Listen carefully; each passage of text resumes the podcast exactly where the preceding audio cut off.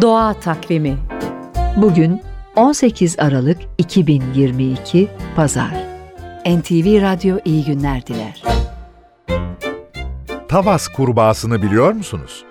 Denizli'de 63 yıl önce keşfedilen Tavas kurbağasından iyi haber var. Yaşatma programı sonuç veriyor. Tavas kurbağaları yok olmaktan kurtuluyor. Denizli'nin Tavas ilçesinde Akdağların eteğindeki 10 dekar sulak alanda yaşayan Tavas kurbağasının bilimsel adı Tavasensis yani Tavaslı. 10 yıl önce neslinin tehlike altında olduğu belirlenmiş, koruma ve yaşatma programı başlatılmıştı.